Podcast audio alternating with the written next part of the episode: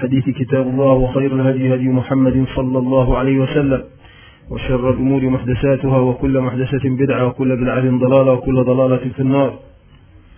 الإخوة المكرمون ها نحن أولئي مع اليوم العاشر من شهر ذي القعدة لسنة 1427 من الهجرة النبوية المباركة. ونحن أيضا مع المشهد الخامس من سورة الصافات.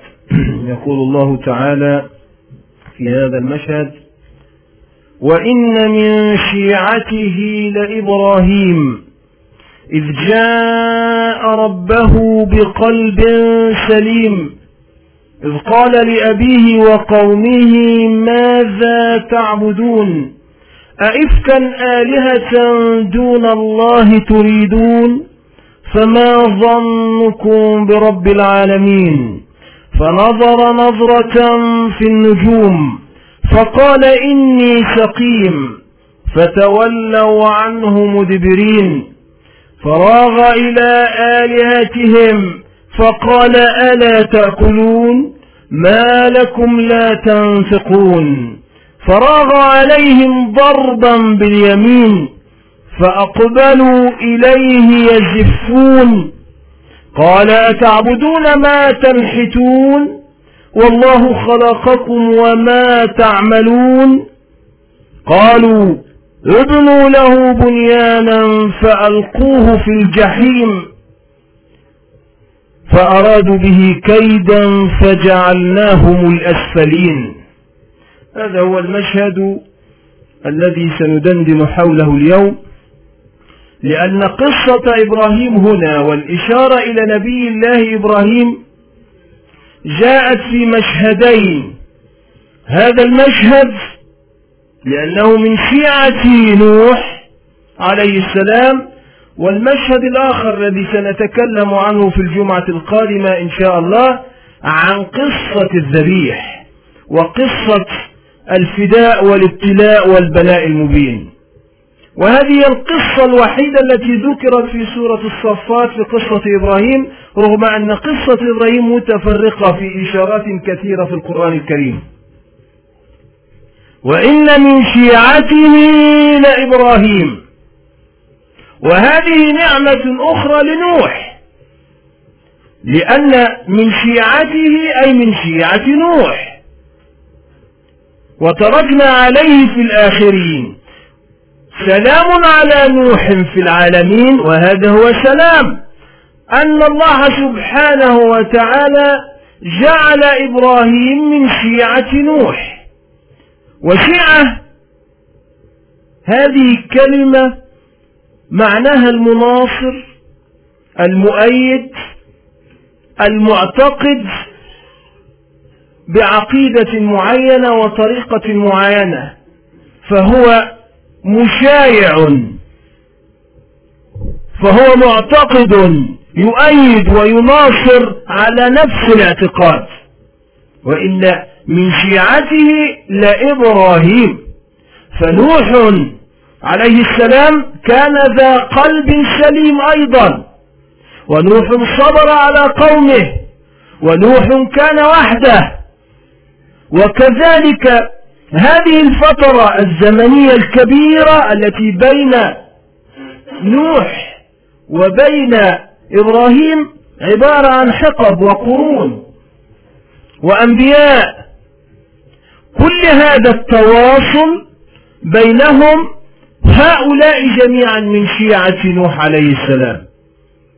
لكن الله ذكر إبراهيم هنا وخصه بأنه من شيعة نوح وهذه خاصية ومزية لكليهما. وإن من شيعته لإبراهيم أي الذي سار على نفس الطريقة. نفس قضية التوحيد الخالص سار إبراهيم على نفس الطريقة التي سار عليها من قبل نوح. ولذلك تجد تشابها إن ابن نوحا كان يواجه أمة من البشر وحده. دعاهم ألف سنة إلا خمسين عاما. وإبراهيم دعا قومه وحده. وتحدى سدنة الكفر في زمانه وحده. كان هناك عند الكلدانيين هناك في العراق وكانوا يعبدون الكواكب وكانوا وثنيين خليط من الشركيات لكن كانوا مشهورين بأنهم يعبدون الكواكب ويقدسونها من دون الله. فهؤلاء هم الذين واجههم إبراهيم. إذا إبراهيم واجه عدة طواغيت في وقت واحد. منذ صغره وهو فتى فقد تحدى كل أساطين الكفر في زمانه. إذ جاء ربه بقلب سليم. فإبراهيم توجه بنفسه إلى ربه بقلب سليم. والقلب السليم هنا أي أن قلب نوح عليه السلام قلب إبراهيم عليه السلام كان قلبا صافيا. لا يوجد فيه إلا فطرة التوحيد فقط. لا توجد أي شوائب ولا فيه أي قصص من حياة نبي الله إبراهيم من قبل.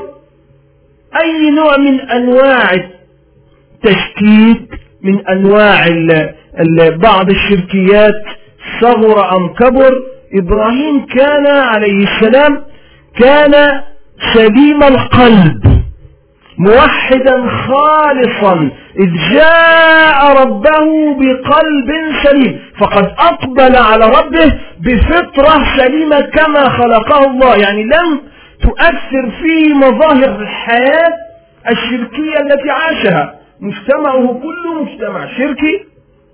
الناس تعبد الأصنام وتخدمها. لديهم عيد النيروز.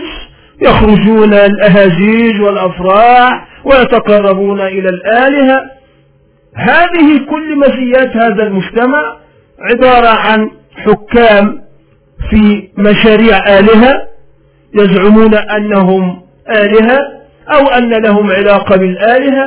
هذا يحيي ويميت ويزعم أنه يحيي ويميت كالنمروز وغيرهم. هؤلاء جميعا الجبابرة الذين كانوا يحكمون ذلك الزمان ورغم هذا التلوث الشركي والتلوث الفكري والعقدي لدى الناس إلا إن إبراهيم جاء ربه بقلب سليم بفطرة سليمة. فقد أقبل بهذا ولذلك إذ قال لأبيه إذ قال لأبيه وقومه ماذا تعبدون؟ ما هذه؟ يعني ما كيف ماذا؟ ما هذه الأشياء التي تعبدونها؟ إذا هو يسأل سؤال استنكار وليس سؤال يريد أن يعرف الحقيقة من منهم لكنه يعلم أنهم أن هذا شرك وأن هذا باطل ولكنه يسألهم على هذه الطريقة لعله يردهم إلى عقولهم. وإلى فطرتهم السليمة التي اجتالتهم الشياطين فغيرت هذه الفطر السليمة بهذه الشركيات. إذا هو قلبه سليم لقلوب أصلا منكسة قلوب أصابها الران وعليها شركيات فقال لهم ماذا تعبدون؟ أئفكا ولا ينتظر إجابة هنا في هذا المشهد في سورة الصفات مشهد مختصر لأن المشهد التفصيلي كان في سورة الأنبياء وقد قلنا تكلمنا عنه من قبل. هذا المشهد سنذكره مرة أخرى للإفادة للإجابة على هذه المختصرات هنا. ماذا تعبدون؟ أئفكا آلهة دون الله تريدون؟ أئفكا آلهة دون الله تريدون؟ هنا أئفكا آلهة أي هل تتخذون آلهة إفكا؟ والإفك هي نوع من أنواع الكذب وشدة الكذب والاضطراب أنتم مضطربون. وهذه هذه عندما يقول والمؤتفكة أهوى. هذه هذا الإفك نوع من أنواع الاضطراب ولذلك الكذاب دائما مضطرب. أئفكا آلهة دون الله تريدون؟ يعني تتخذون هذه الآلهة كذبا على الله سبحانه وتعالى؟ أئفكا آلهة دون الله تريدون؟ فنظر نظرة في النجوم. هنا هذه هنا إشارات هذه مجرد إشارات قرآنية لكن التفاصيل تعلمها أنت من خلال السياق. أي أنهم كانوا عازلين إذا إبراهيم عليه السلام كان يخطط هنا ليقوم بقسمه وليبين لهم دليلا عمليا على أن هذه آلهة مزورة مزيفة. والإله إذا كنت إلها فكيف لا تستطيع أن تدافع عن نفسك؟ أنت تعبد هذا الإله تألهه فهو مألوه فهو معبود. إذا له قوة عليك وسلطان. ولكن هذا مسكين يحتاج إلى أحد يحرسه. بل إنه يقوم بالاعتداء عليه ويحطمه. إذا هو لكنه يتحير الفرص فجاءته الفرصة في عيد النيروز. كان عيد يحتفلون ويخرج تخرج يخرج أهل المدينة. عيد الزهور وهكذا. اعتدال الطقس والجو في تلك الفترة.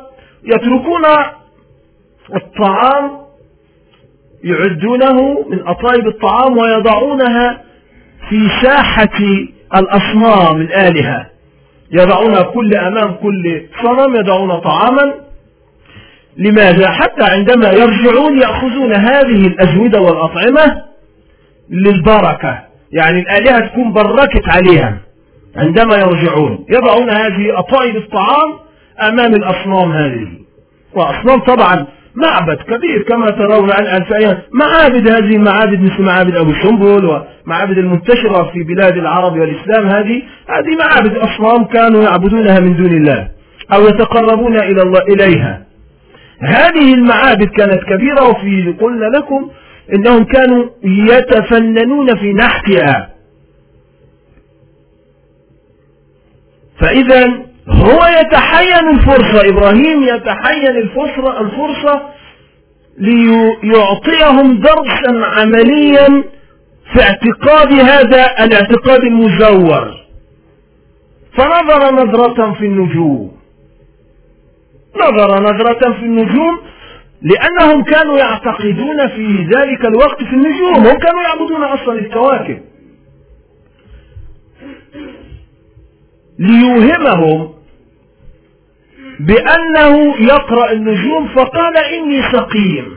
يعني نظر هكذا في النجوم. هو نظر من باب التفكر فقط وليوهمهم أنه يقرأ شيئا. فنظر نظرة في النجوم من باب التأمل هو لم يكذب فقال إني سقيم. لم يكذب على الحقيقة على حقيقة الكذب. فقال إني سقيم. يعني يا بني تعال معنا استمتع بوقتك وهذا عيدنا تعال هو يصر يقول لا. فنظر فقال إني سقيم يعني نظر في النجوم ففهموا هم اعتقدوا أنه قرأ في النجوم أنه مريض ولا يستطيع أن يخرج معهم. إذا هذه الحيلة نفعت وفهموا أنه مريض رغم أنه في الحقيقة ليس مريضا. قال إني سقيم وهذا تأويل على أنه سقيم منهم وإنه مما يرى هذا من باب الثقب القلبي والمعنوي مما يرى من الشركيات وغير ذلك. وليس على حقيقة أنه سقيم من باب أنه مريض مرضا جسديا. لكنهم فهموا أنه مريض مرضا جسديا ولذلك فتولوا عنه مدبرين. تركوا قال خلاص إنه مريض وتركوا إذا ترك وحده في المكان. هو يخطط إذن ليدخل المعبد. كل قضيته أن يدخل المعبد الذي فيه هذه الأصنام. يريد أن يحطمها ولكن لا يستطيع لأنه وحده لا يستطيع أن يفعل ذلك لأن هناك سدنة وحراس. فالحراس كله خارج في ذلك اليوم وتركوا الآلهة لوحدها. فبعد ذلك هذا يقول قائل إذا إبراهيم كذب عليهم. في بعض العلماء وأهل التفسير قالوا ذهبوا مذاهب في ذلك بتأويلات لكن الحديث الصحيح في صحيح البخاري أن رسول الله صلى الله عليه وسلم قال لم يكذب إبراهيم إلا ثلاث كذبات. لم يكذب إبراهيم عليه السلام إلا ثلاث كذبات. ثنتين منهن في الله. في ذات الله. عندما الأولى عندما قال إني سقيم والثانية بل فعله كبيرهم هذا فاسألوهم إن كانوا ينطقون. يعني قال أشار للصنم. فاسألوه يعني. هو الصنم يتكلم وعندما قال الذي فعل هو الصنم. يعني إذا هذا نوع من الكذب. والثالثة هو عندما كان هو وسارة زوجته سارة في مصر عندما فإذا بجبار من الجبابرة عندما علم عيونه قالوا إن هناك رجلا معه امرأة من أحسن الناس. وكانت من عادتهم أنهم ربما قتلوا الرجل لأنه الزوج لو علموا أنه الزوج يقتلوه حتى يتخلصوا منه ويأخذوا المرأة ويقدموها لملكهم. ف فأرسلوا إلى إبراهيم أخذ إبراهيم فقيل له من هذه؟ قال هي أختي.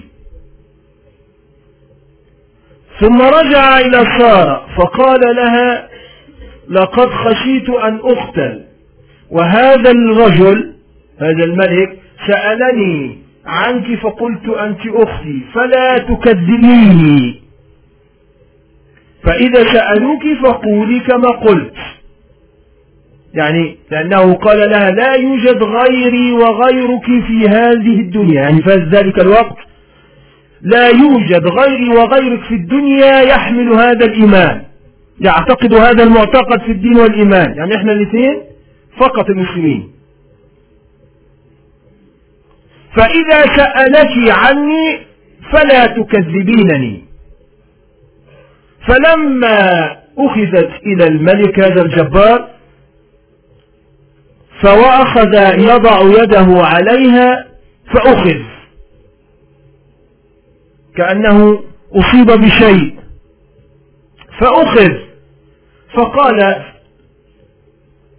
طلب منها أنه يدعها إذا هي دعت وأطلقته. فدعت الله فأطلقه. ثم عاد مرة ثانية ليمد يده عليها فلم يستطع فأخذ أشد من الأخرى وهكذا. ثم صرخ فنادى في الحجبة فقال لقد أتيتموني بشيطان ولم تأتونني بإنسان. ثم أطلقها وأعطاها هدية وهي أعطاها السيدة هاجر. فأخدمها هاجر. فرجعت إلى إبراهيم وهو يصلي. فقال ما هي قالت رد الله الكافر أو الفاجر كما في الرواية. إذا لم يستطع أن يمس السيدة سارة ورجع. إذا إبراهيم عندما كذب هو كله في الله أيضا ولكن هذه خاصة مجردة في قضية التوحيد. والأخرى من أجل زوجته لأنه إذا قال إنها زوجته فإنهم سيقتلونه. لكن إذا قال إنها أختي فإنهم عادي لا يجوز الملك يأخذها عادي. لكن إذا قال زوجته فإنهم يقتلونه. هذا هو سر أنه لم يقل زوجتي ولكن قال أختي. وهو يقصد هنا المعاريض. إن في المعاريض لمندوحة عن الكذب كما قال صلى الله عليه وسلم. هو في حقيقة الكلام المجرد أنه كذب. لكن في حقيقة التأويل أنه ليس كذب. ولذلك فهو إلهام من الله أو وحي من الله أن أحل الله ذلك وأوله له. أن يقول إني سقيم وأن يقول إني بل فعله كبيرهم هذا أو يقول ويقول إنها أخته إذا كل ذلك بإلهام أو بوحي من الله سبحانه وتعالى ولا داعي للجدال والفزلكة وكل هذه الكتب التي تسطر مثل هذه الترهات حول الكذب ونبي الله كذب. هذا الذي قاله رسول الله يحكي على على سبيل أنه الكذب المجاز ليس على حقيقة الكذب. وإن الله أباح له هذا الكذب. هو في حقيقة صورته أنه كذب ولكنه في الحقيقة أن له تأويل آخر. هذا هو. قال إني سقيم فنظر نظرة في النجوم فتولوا عنه مدبرين. فراغ إلى آلهتهم راغ هنا يعني دخل ذهب خفية لذلك نقول نحن هذا الرجل يروغ يعني يذهب خفية. فهذا ذهب متسللا هكذا فراغ إلى آلهتهم من باب السخرية فقال ألا تأكلون؟ يعني لما وجد هذه الطعام أهلا وسهلا لماذا لا تأكلون؟ هو يخاطب الأصنام هذه. لماذا تأكلون إن كنتم آلهة حقا؟ ألا تنطقون؟ ألا يوجد واحد فيكم يتكلم هكذا يخاطبهم هكذا. من باب الازدراء والسخرية وإن قلبه من باب امتلأ غيظا وحنقا وحقدا على هذه هذه الحجارة التي تعبد من دون الله وتميز هذا التمييز. يعني انظروا طيب الطعام وتقدم قرابين إلى هذه الحجارة. ألا تنطقون؟ فراغ عليهم ضربا باليمين. هنا أسرع جاء راغ هنا مرة أخرى جاب المعول الفأس وظل يكسر فيهم. فراغ عليهم ضربا باليمين أي بالقوة. لأن اليمين دائما دائما معناها القوة. عكس الشمال. ولذلك لا يشترط أنه معناها أنه ضرب باليمين فقط ومعناه ممكن يضرب بالاثنين ولكن معناها القوة هنا. فراغ عليهم ضربا باليمين يعني كسرهم حطمهم. فأقبلوا رجعوا من العيد فرحانين وخلاص انتهى كل أنواع ألوان الأهازيج والأفراح ورجعوا إلى معابدهم فأقبلوا إليه يزفون. يزفون أي يسرعون يمشون سراعا هكذا يأتون إليه كأنهم جماعات يطلبونه. فعندما طلبوه قال أتعبدون ما تنحتون؟ لكم عقول. إذا إبراهيم كان يواجههم بهذا بمنطق العقل يعني لا يأتي إليهم بأدلة غير المحسوسة. يعني انظروا انه دائما يتكلم بأدلة مرئية بأدلة محسوسة لهم يرونها. قال أتعبدون ما تنحتون؟ يعني واحد مجنون. كيف؟ الإله هو الذي يصنع. لا هو الذي يصنع. يعني انت في معقولة إله أنت اللي تصنعه؟ أتعبدون ما تنحتون؟ والله خلقكم وما تعملون؟ هو الذي خلقكم؟ وهذه الحجارة. يعني هذه الحجارة ما تعملون أي ما تصنعون من هذه المعبودات التي تعبد من دون الله؟ الله خلقكم وخلقها. يعني هذا هو منطق إبراهيم لهم. لاحظ إن منطق إبراهيم كان منطق القوة والهجوم. تجد أنه لم يكن منطق المنهزم المنسحق الذليل. اعفوني أنا مخطئ ربما أنا مجنون أو أصابتني غفلة وأنا تهورت وأنا أتراجع عن كل ما فعلنا انظر يهاجمهم. أتعبدون ما تلحتون والله خلقكم وما تعملون. هكذا. هذا هو منطقه. وهذا منطق الاختصار. يعني هذا الحوار الذي نتحدث عنه هو حوار مختصر. ولذلك هو هنا انظر يقول الله تعالى هنا فأقبلوا إليه يزفون قال أتعبدون ما تنحتون؟ والله خلقكم وما تعملون. قالوا ابنوا له بنيانا قرار النهاية. ابنوا له بنيانا فألقوه في الجحيم. إذا هنا هناك قالوا حرقوه والآن هنا ابنوا له بنيانا فألقوه في الجحيم. ويختمها هنا فأرادوا به كيدا فجعلناهم الأسفلين. وهناك في الأنبياء فجعلناهم الأخسرين. إذا هذا حوار مختصر. هذا الحوار هنا إشارة فقط إلى هذا الرجل الذي جاء ربه بقلب سليم هو من شيعة نوح. وهذا هو منطق وهذا توارث الأنبياء أنهم دائما على شاكلة هذا النبي الكريم وهو إبراهيم. ولذلك نبي الله إبراهيم له خاصية ومزية عندما قال الله تعالى فيه إن إبراهيم كان أمة. واتخذ الله إبراهيم خليلا. وإبراهيم الذي وفى. تجد ولذلك فأفضل أنبياء الله على الإطلاق. بعد نبي الله محمد صلى الله عليه وسلم هو إبراهيم. كما في رأي جمهور العلماء. ويأتي نبي الله نوح بعده. فنبي لأن إبراهيم له خاصيات ومزيات هو الله سبحانه وتعالى الذي ذكره فيها. انظر نرجع إلى الحوار التفصيلي الذي يسد لنا هذه الثغرات في هذا المشهد. الله يتكلم عن هذا الفتى الذي اجترأ وحطم هذه الطواغيت التي تعبد من دون الله التي صنعها طواغيت. تخيل طواغيت من الحجارة صنعها طواغيت من البشر. ليعبدوا الناس وليشرعوا للناس ويخوفونهم من دون الله ويصرفونهم عن العبادة الحقة.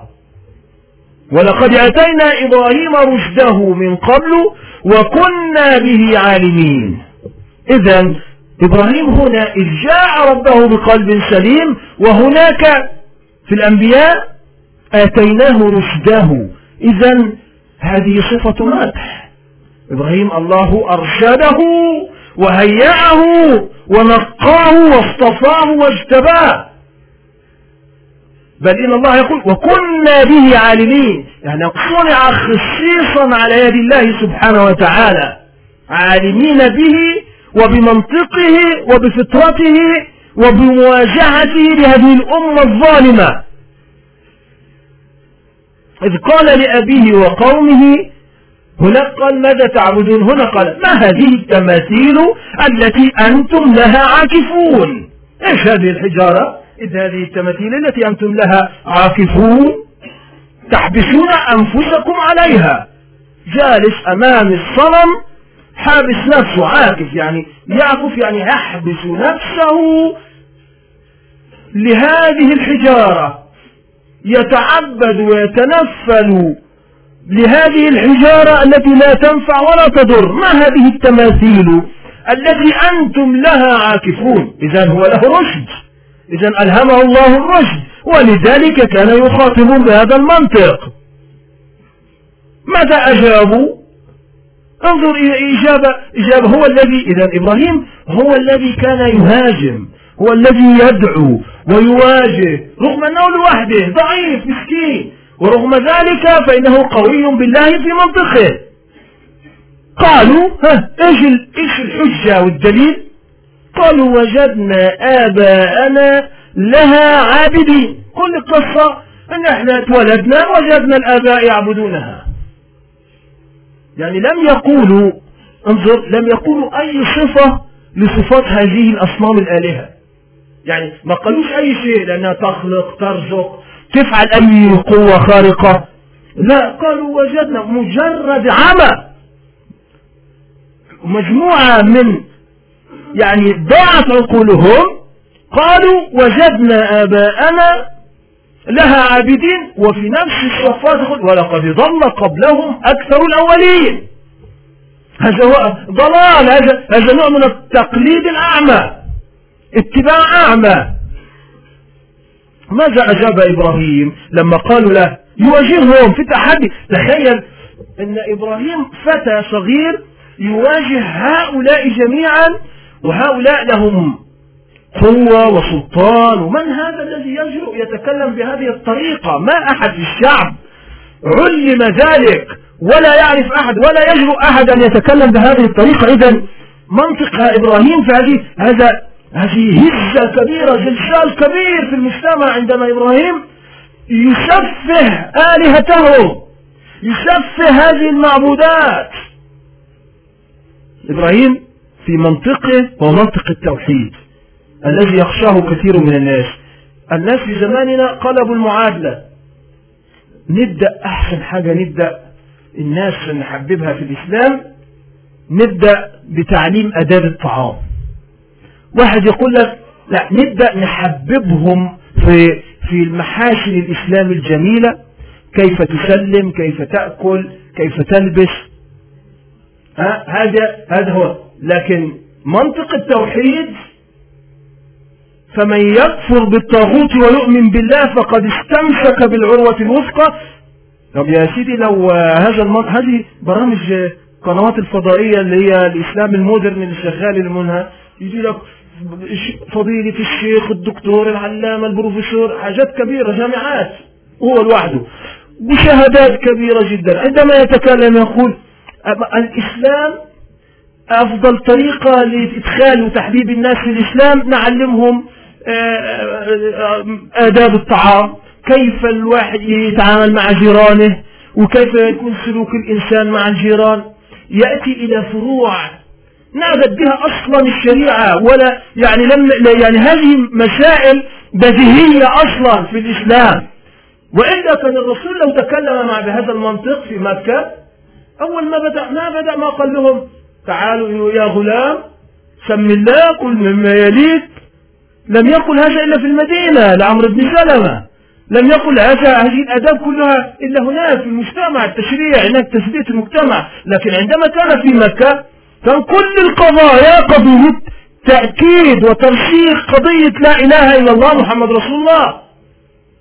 أجعل الآلهة إلها واحدة إن هذا لأمر عجاب هم كانوا يقولون ذلك ويمشون وراء رسول الله لأنه كان ينادي بلا إله إلا الله محمد رسول الله لا معبود بحق إلا الله لأنك إذا اعتقدت في التوحيد سهل تأخذ كل شيء تبنى عليه كل شيء.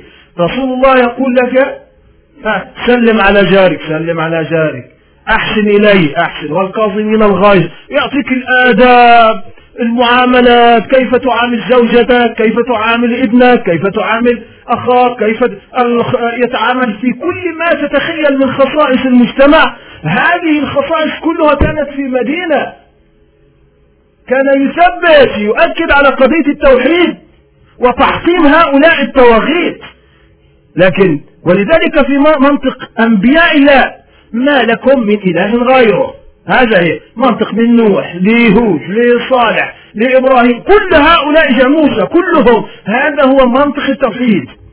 تحطيم الطواغيت. يجب زرع هذه العقيدة لدى الناس لذلك لكن الناس الآن يقول لك عندما تقول له يجب تعليم الناس التوحيد وتفهمهم إن لا إله إلا الله تنافي طواعية والاستسلام والاستكانة لأي مخلوق. غير الله سبحانه وتعالى لم يأمر به الله سبحانه وتعالى. هذه لا إله إلا الله تنافي كل هذا. أما أنك تقول لا إله إلا الله وأنت تعبد غيره أو تعبد معه تطيع يعني معه هذه الطواغيت وهذه القوانين وهذه التشريعات وفي النهاية يقول لابد أن ندخل الناس الإسلام. هو المسألة هي سوق تدخل الناس الإسلام. طيب ما ماذا فعل الإسلام؟ غثاء كغثاء السيل عدد مليار وثلاثمائة مليون. ها؟ احصي هذا المليار والثلاثمائة مليون تجدهم لا يفيدون شيئا. غثاء كما قال الرسول صلى الله عليه وسلم كغثاء السيل. يعني ممكن الواحد يلمهم هكذا. ها تجد فيهم المخرف والمحارب لدين الله والمنافق والعربيد فتجد سلة فقط ضئيلة قليلة جدا في وسط هذا الخضم البحر الكبير المحيط الذي يسمى المليار ونيف. هؤلاء لا يفيدون شيئا. لماذا؟ لأن الناس هؤلاء أصلا ابتعدوا عن لب الإسلام الأصلي وهو قضية التوحيد التي دعا إليها الرسل. ولذلك تجد ان الإنسان لو أنه صاحب عقيدة سليمة فإنه يستطيع أن يواجه كما واجه إبراهيم. لذلك انظر هذا هو منطق إبراهيم عليه السلام لكن عندما تبدأ له تقول له أن أبدأ بآداب الطعام. هو لا يعرف حاجة عن لا إله إلا الله ولا يعرف عن التوحيد ولا وممكن يعبد القبور ويطوف حوالي يعني يعمل أشياء شركيات من دون الله سبحانه وتعالى لكن تقول له حبب له الإسلام عن طريق ان أنا اسلم عليه. عن طريق أعلمه كيف يأكل كيف كيف يلبس كيف هذه الأشياء. طيب يا سيدي ما هو أول صدمة سيصدمها؟ أي طواغيت بتوع يرسلوا إليه مجموعة امن مركزي ويزمجروا الصوتهم هتلاقيه يجري يسيب الطعام حتى اللي أنت بتعلمه له. لكن انت لو معلمه لا اله الا الله كيف تواجه هؤلاء الطواغيت فإنه سيصمد ويصبر حتى إذا ابتلي وأدخل وطورب فإنه يكون ثابتا على هذه العقيدة. أما تقول له اداب الطعام يقول لك مش عايز الطعام ده أصلا هاكل بعشر صوابع يا سيدي مش هاكل بخمس. المهم اعيش ولكن لو هو متعلم لا إله إلا الله سيتعلم اداب الطعام ويتعلم كيف يلبس كيف يعيش كيف يتعامل مع الناس ان هذه فرعيات. لكن الأولوية هنا في قضية التوحيد الخالص. وذلك إبراهيم تكلم. لا تجد في القرآن قضية طرح قضية الإسلام بهذا الاستخفاف الموجود في أيامنا هذا. ساعتين ثلاث ساعات تجد البرنامج كله وجايب لك كم واحد ضيف ويضيع وقت الناس. عم يتكلموا كأن المسألة المشكلة هنا. يا سيدي الناس يقول لك ماشي على العين والراس. إحنا لا نسفه شيئا. ولكن الأولوية أين؟ لماذا الأمة في اندحار وفي في في في تدهور؟ ولماذا الأمة ذليلة هكذا؟ لأنهم ابتعدوا عن نفس خطاب إبراهيم عليه السلام الذي وصفه الله أنه أمة. أقول قولي هذا وأستغفر الله لي ولكم.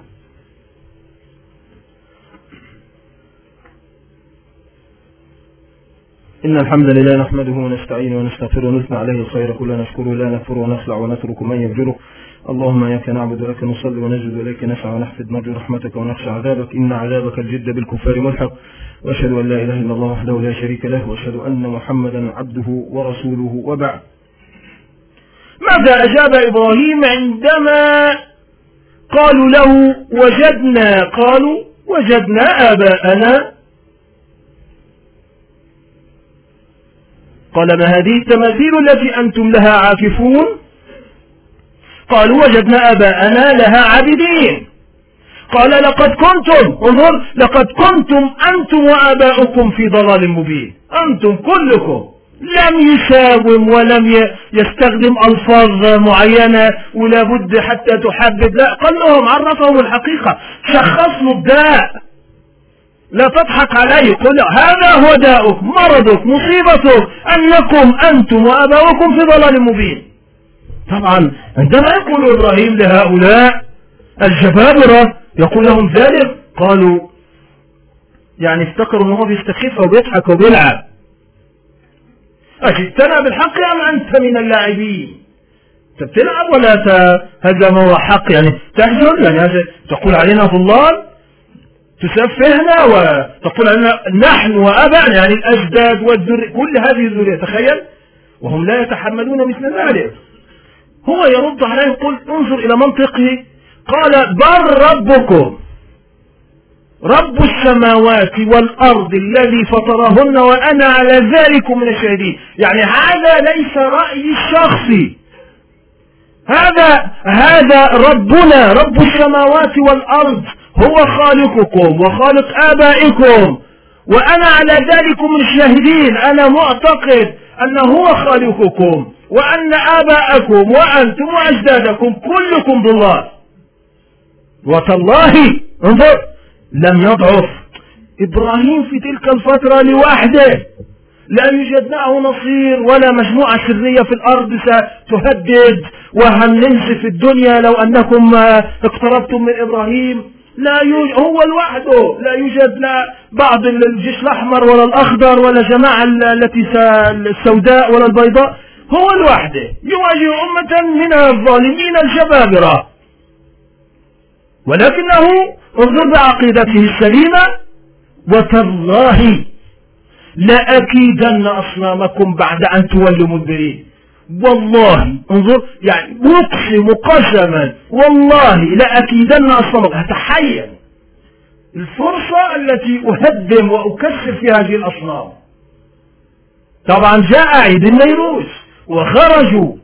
وكانت الفرصة مواتية عندما قال إني سقيم. فجعلهم جزازا. إلا كبير لو جاء باسم الفأس والقدوم وجه على هذه الأصنام. عبارة عن صنم كبير. جدا يكون في الوسط وأصنام. هم يعملوا أصنام كل واحد واحد كبير على حجم حسب الفقراء وحسب الأغنياء. يعني الفقير يعبد صنم صغير يعني إله صغير على قد حاله والغني يعبد اللي هو الصنم الكبير. هذا صنم يعني ممكن يكون من أرابيسك ولا حاجة مزركشة يعني. وكل واحد على حسب يعني أنت تعبد على قدر مالك وقدر غناك وقدر سلطانك. كلما كبر الصنم كلما هذا خاص بالأغنياء. فهو هنا جاء عليهم أصنام وأصنام صغار يعني أولاد عيال صغارين من الآلهة.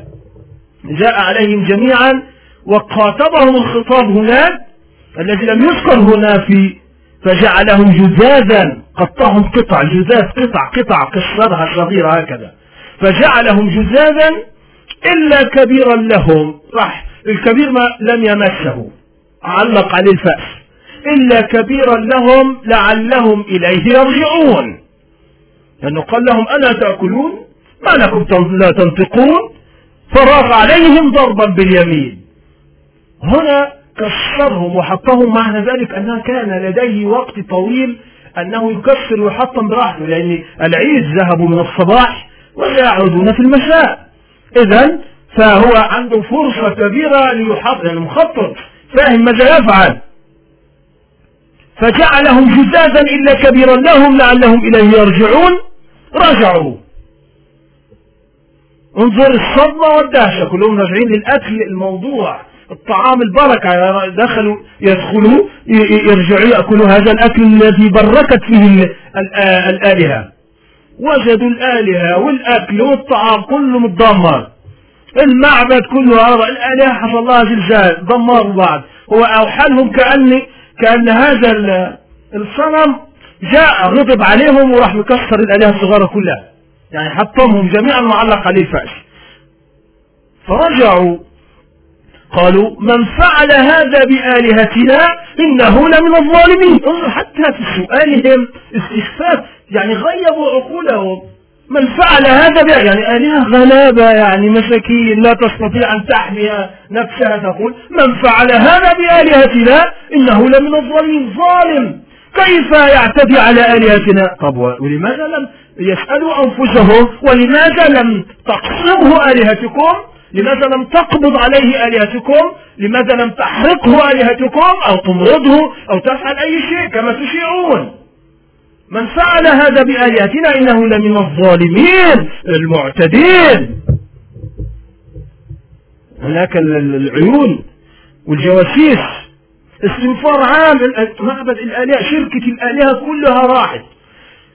إفلاس شركة الآلهة التي يعبدها الكلدانيون هناك في العراق. كل هذه المنطقة خلاص الآلهة اتكسروا وتحطموا يعني في اعتداء جاي من الأطباق الطائرة جاءت دمرت الآلهة. اعتداء كبير عليهم. وهذه شيء لا يصدقونه. يعني نفس صدمة. مثل ما يحدث كأنه يقول هذا اعتداء على الدستور. عندما واحد يهاجم نص من النصوص يقول لك يخالف. هم يأكلون الدستور بمزاجهم. عندما يكون الأمر لهم هم. لكن عندما إذا أنت خالفت شيئا يقول لك آه هذا اعتداء على الدستور. الدستور هذا صنم كبير يعبد من دون الله في بلاد المسلمين جميعا. فهذا فإذا هم قالوا سمعنا فتى يذكرهم يقال له إبراهيم. فتى سمعنا أنه يذكرهم يقال له إبراهيم. إذا هم بث العيون والجواسيس لكي يعرفوا من الذي لأنه دليل أنهم ظلوا وقتا محتارين. فتم القبض على إبراهيم فقالوا فأتوا به على أعين الناس. انظر هذا ناس متمكنة يعني. فأتوا به على أعين الناس إذاعة وتلفاز وسائل الإعلام كله يأتي هنا حتى فأتوا به على أعين الناس لعلهم يشهدون. هذا المسلم الذي اجترأ وحطم آلهتنا. هم لا يدرون أن هذا استدراج من الله سبحانه وتعالى لا لأن فضيحة لأن هذا الولد المسكين الفتى المسكين هذا الذي سيأخذون عليه سيدوخهم ويفحمهم أيضا في المحجة والحجة. قالوا فأتوا به على أعين الناس لعلهم يشهدون. محاكمة شعبية يعني مفتوحة. ليست هناك محاكمات عسكرية. كانوا أفضل على فكرة رغم أنهم طواغيت وهم من أكابر المجرمين هؤلاء أفضل من مجرمي هذا الزمان. على الأقل كانوا يعملوا حوارات. يعني الحوار مع النمروز والحوار هذا فأتوا به على أعين الناس. وفي مع فرعون موسى هناك عندما يقول فاجعل بيننا وبينك موعدا. لا نخلفه نحن ولا أنت مكانا سوى. الأمة تجتمع. إذا لن توجد محاكم في الظلام ولا تفتيش ولا تحت الأرض ولا يسمح للمتهم حتى أن ينطق ببنت شفا. لأنه خلاص أنت محكوم عليك. هذا العشرة العشرة هؤلاء إعدام والعشرة مؤبد وهذا يعني نصف الأشغال شقة وهؤلاء من غير شيء ولا أنت تعرف ما هي تهمتك أصلا. لكن انظر الطواغيت الذين ذكرهم القرآن. كانوا يسمحون للناس من باب التمكن أنهم يتخاطبون حتى لأعدائهم ويبدون حجتهم من باب أنهم يثقون في أنفسهم. لكن طبعا استفاد طواغيت الزمان بعد ذلك من هذه التجربة. قالوا الله ده إبراهيم لما عمل فتى, فتى البروج. الناس آمنوا بسبب أنه عمل حوار مفتوح مع مع الملك. ومع موسى الناس آمنوا بموسى السحرة نفسهم الذين جاءوا يحاجوا موسى آمنوا به. وإبراهيم هنا خرج له أتباع أيضا بعد ذلك. إذا أفضل طريقة لا, م... لا هي محاكمات سرية وأدلة سرية. ممنوع أي متهم المحاكمات هذه في الظلام. حتى المحامي لا يستطيع أن يطلع على هذه يعني هذه أبلسة وشيطنة يعني لم يستطع الشيطان زمان ذلك الوقت أو هؤلاء الطواغيت أن يتفننوا في هذا الظلم مثل ما فعل هؤلاء في زماننا أيامنا هذه الذين يتفننون في الظلم. قالوا فأتوا به على أعين الناس لعلهم يشهدون. قالوا أأنت أنظر توجيه الاتهام؟ أأنت فعلت هذا بآلهتنا يا إبراهيم؟ الدعي العام. هناك؟ أأنت فعلت هذا بآلهتنا يا إبراهيم؟ أنطق أجب. انظر إبراهيم يقول يواثق لو سمحت ألتمس من العدالة. أنا متراجع خائف على نفسي وعلى حياتي ويرجعون أنا ألف لكم سبع كتب حتى تبرئوا ساحة أنا كافر بكل ما فعلته من قبل. لا ما سلسلة المتراجعين والمنهزمين والمساحقين نسأل الله القلوب بين أصبعين أصابع الرحمن يقلبها كيف شاء نسأل الله أن يثبت قلوبنا على الإيمان وعلى الطاعة. لكن لأن مسألة فتن كبيرة ناس أصحاب دين وعقيدة نجدهم كانوا ما شاء الله ثم يتحولون وينقلبون ويدافعون على نفس الطواغيت الذين كانوا يحاربونها من قبل. ولكن إبراهيم كان أمة. أنت فعلت هذا بآلهتنا يا إبراهيم؟ ماذا يجيب إبراهيم؟ قال بل فعله كبيرهم هذا. فاسألوه من كانوا ينطقون هذه التي يقال عنها كذبة. بل هنا من باب الدفاع يدافع من باب لفت الانتباه إلى حتى يعيد لهم عقولهم وفطرتهم مرة أخرى. بل فعله كبيرهم هذا. هو لم يقل أنا لم أفعل. هو قال بل فعله بل الإضراب هذه تضرب ما ما قبلها. قال بل فعله كبيرهم هذا. فاسألوهم إن كانوا ينطقون. هذه انظر هذه لا يعني في منتهى الذكاء والعقل وهذا نوع من فن الحوار مع الخصم عندما تحاوره بما يملكه أو بأدلة محسوسة تشترك أنت وهو فيها. لم يأتي إليهم بأدلة من عنده هو. يعني لم يأتي إليهم بوحي.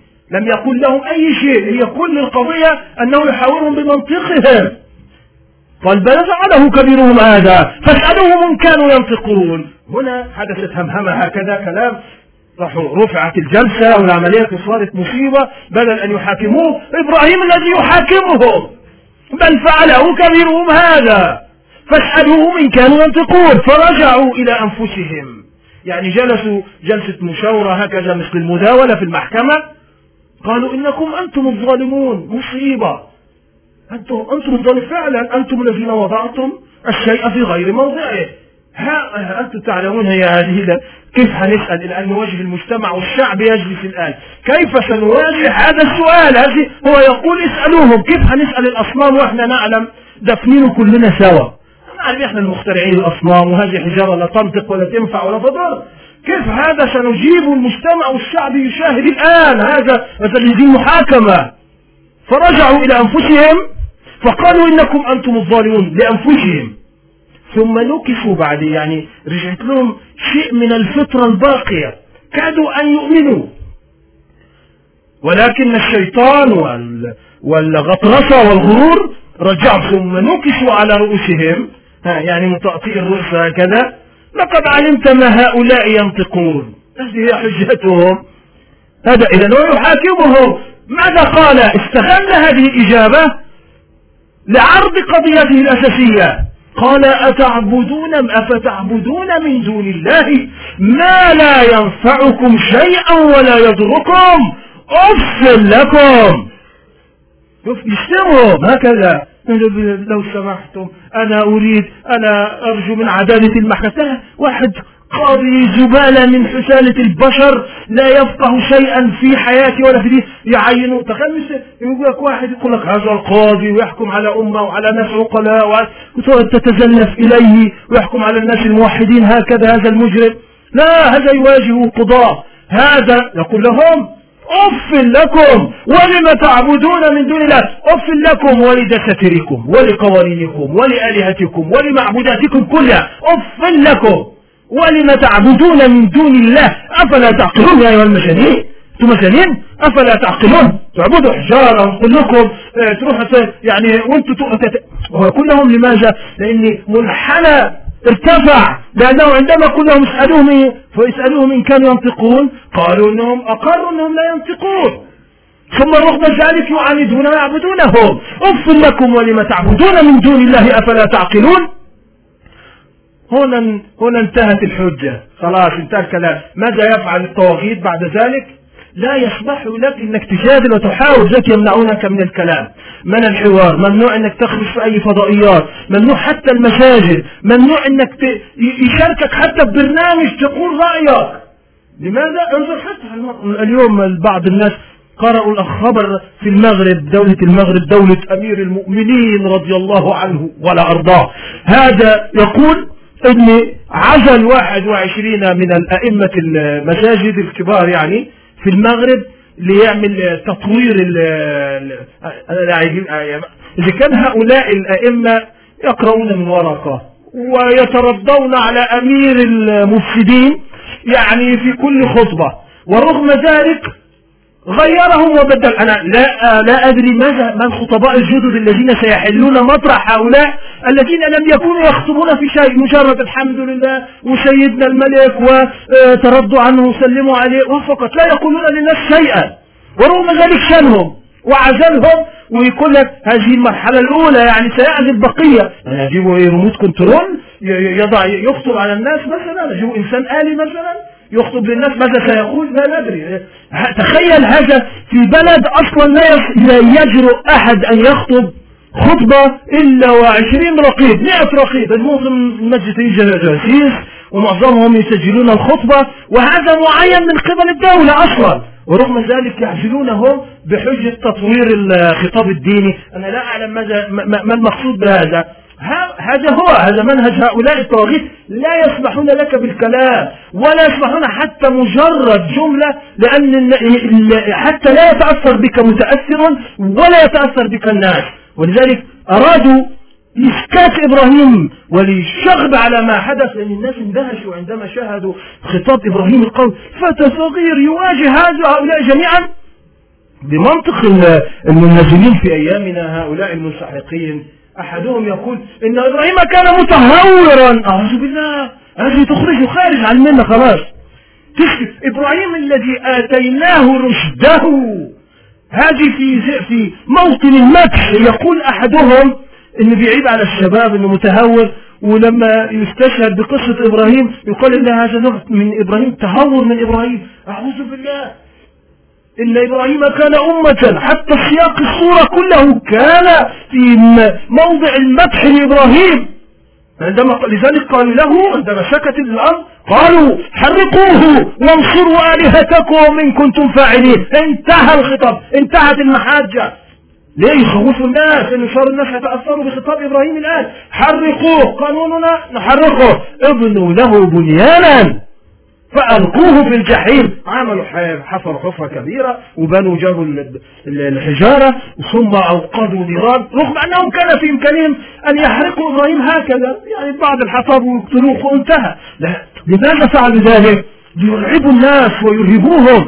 وزين الأمر الناس تشاهد النيران الكبيرة. لأن هذا أكثر ردعا. يعني عندما تريد أن تقتل واحد بدل ما تقتله هتقتله برصاصة صغيرة. يجيب لك ممكن يجيب لك قذيفة جي ويروح يقتله بها. ما هو هذا يموت وهذا لكن من باب التخويف والإرهاب. هذا نوع هم يريدون قتل إبراهيم بهذه الطريقة البشعة حتى يتحدث الناس ويروا وتأتي الأمة كلها تشاهد هذه النيران الكبيرة ويسألوا ما هذه النيران الكبيرة؟ هذا لفتى حطم هذه المعبودات والآلهة واجترأ على سلطان المشركين في ذلك الزمان ولذلك هذا جزاء كل من يشترئ حركوه وانصروا آلهتكم إن كنتم فاعلين. هؤلاء لم يستطيعوا أن ينصروهم أصلا. لكن انظر هذا الذي حطم هذه الطواغيت وتحدى وهو فتى صغير. كل هذه الطواغيت سواء الطواغيت الأحياء طواغيت الأموات أو طواغيت الحجارة كل هذه تحدى الأمة كلها ماذا قال الله له وماذا فعل؟ هؤلاء أرادوا نصرة آلهتهم. فماذا نصر الله إبراهيم؟ قلنا يا نار كوني بردا وسلاما على إبراهيم. هنا تدخلت القوة الجبارة لأن خلاص انتهى إبراهيم لا, لا قوة له إلا بالله سبحانه وتعالى وضعيف. وسط هؤلاء كتفوه ووضعوه على كرسي أو خشبة وبآلة معينة يقذفونه في النيران. وهم يقذفونه لما قذفوه هكذا هم هللوا وفرحوا ها؟ هنا جاءت القوة رب النار الذي خلق النار والذي صيرها هو الذي أمرها التي تحرق وتدمر. هذه النيران قال لها كوني. وهذا خطاب من الله. قلنا يا نار لا يوجد واسطة. قلنا أمر رباني. قلنا يا نار خطاب للنيران. لا يوجد مجاز لحسن واحد يقول لك قلنا يا نار لأن النار وخطاب. هذا خطاب رباني مباشرة لا, لا يوجد تأويل لأن بعض الناس يتكلمون في تأويل. هذا لا يجوز أصلا في حق الله سبحانه. ربنا يخاطب الحجارة يخاطب الحيوان يخاطب أي إنسان يخاطب اليعقل الذي لا يعقل. هذه قدرة الله سبحانه وتعالى. قلنا يا نار كوني بردا وسلاما على إبراهيم. وأرادوا به كيدا فجعلناهم الأخسرين. وهناك في الصفات وأرادوا به كيدا فجعلناهم الأسفلين. فكانت الخسارة وأنه هو الأعلى وهم هم الذين في السفل وأنهم هم الأخسرين. هذا هو جزاء من وحد وجاء ربه بقلب سليم. هذا نموذج إن إبراهيم كان أمة. ولذلك من أراد الاقتداء فليقتدي بمنطق التوحيد في الدعوة. وليبدأ بمنطق التوحيد في الدعوة. لا يبدأ بمواضيع لا علاقة لها بأولويات الدعوة. هذا هو منطق الأنبياء. وهذه دعوة الأنبياء. لا يفهم فاهم أننا نشفه الأشياء الأخرى والعياذ بالله هذا دين الله نأخذه كله. ولكن هناك منطق أن تحيد وتمتنع وتبتعد عن دعوة الناس إلى توسيم الناس إلى قضية التوحيد وأنها أس الدين وأس الإيمان. يعني واحد لا يستطيع أن يعرف أداب الأكل ومات يعني يخش النار مثلا؟ طب إذا لكن له لا يعرف التوحيد ولا وآمن مشركا. ها. ماذا فعل؟ خسر خسرانا مبينا. إذا الأولوية الذي يدخل إنه واحد يدخل النار ولا واحد ممكن عنده عذر وعنده لو لم يتعلمها أصلا ولا يعرف كيف يأكل. إذا هذه الآداب تأتي بعد أن تبين للناس هذه العقيدة وتغرسها في قلوبهم حتى يأتوا ربهم بقلوب سليمة كما جاء أبوهم من قبل إبراهيم بقلب سليم. نسأل الله سبحانه وتعالى أن يصحح قلوبنا وأن يجعلها سليمة برية بربها. نسأل الله العظيم رب العرش العظيم أن يتغمدنا برحمته. اللهم إنا عبيدك أبناء إمائك ناصين بيدك. ماض فينا حكمك عدل فينا قضاءك نسألك بكل اسم هو لك أنزلته في كتابك. أو علمته أحدا من خلقك أو استأثرت به في علم الغيب عندك أن تجعل القرآن العظيم ربيع قلوبنا. وجلاء همنا وذهاب غمنا وحزننا. اللهم إنا نتوسل إليك بأسمائك الحسنى وصفاتك العلى أن تفرج كرب هذه الأمة وأن تكشف الغمة. اللهم إنا نتوسل إليك بأسمائك الحسنى وصفاتك العلى أن تنصر الإسلام وتعز المسلمين. اللهم انصر إخواننا المستضعفين في فلسطين. انصر إخواننا المستضعفين في العراق. اللهم انصر إخواننا المستضعفين في أفغانستان. وفي الشيشان وفي كشمير وفي تايلاند وفي كل مكان يعبد فيها اسمك يا رب العالمين. اللهم من أرادنا والإسلام والمسلمين بسوء فاجعل كيده في نحره. يا مقلب القلوب والأبصار ثبت قلوبنا على طاعتك. خذ بنواصينا إلى طاعتك. اللهم إنا نتوسل إليك بأسمائك الحسنى وصفاتك العلى أن تفرج كرب إخواننا المكروبين. فك أسر إخواننا المسجونين. اجعل سجونهم بردا وسلاما يا رب العالمين. ردهم إلى ديارهم وأهلهم ردا جميلا طيبا يا أرحم الراحمين. اللهم لا تشمت بنا ولا بهم الأعداء. اللهم احفظ أعراضنا وأعراض المسلمين. اللهم سدد ديوننا وديون المدينين. اللهم اغفر لأمواتنا وأموات المسلمين. اللهم أمين. اللهم أمين. وأطلب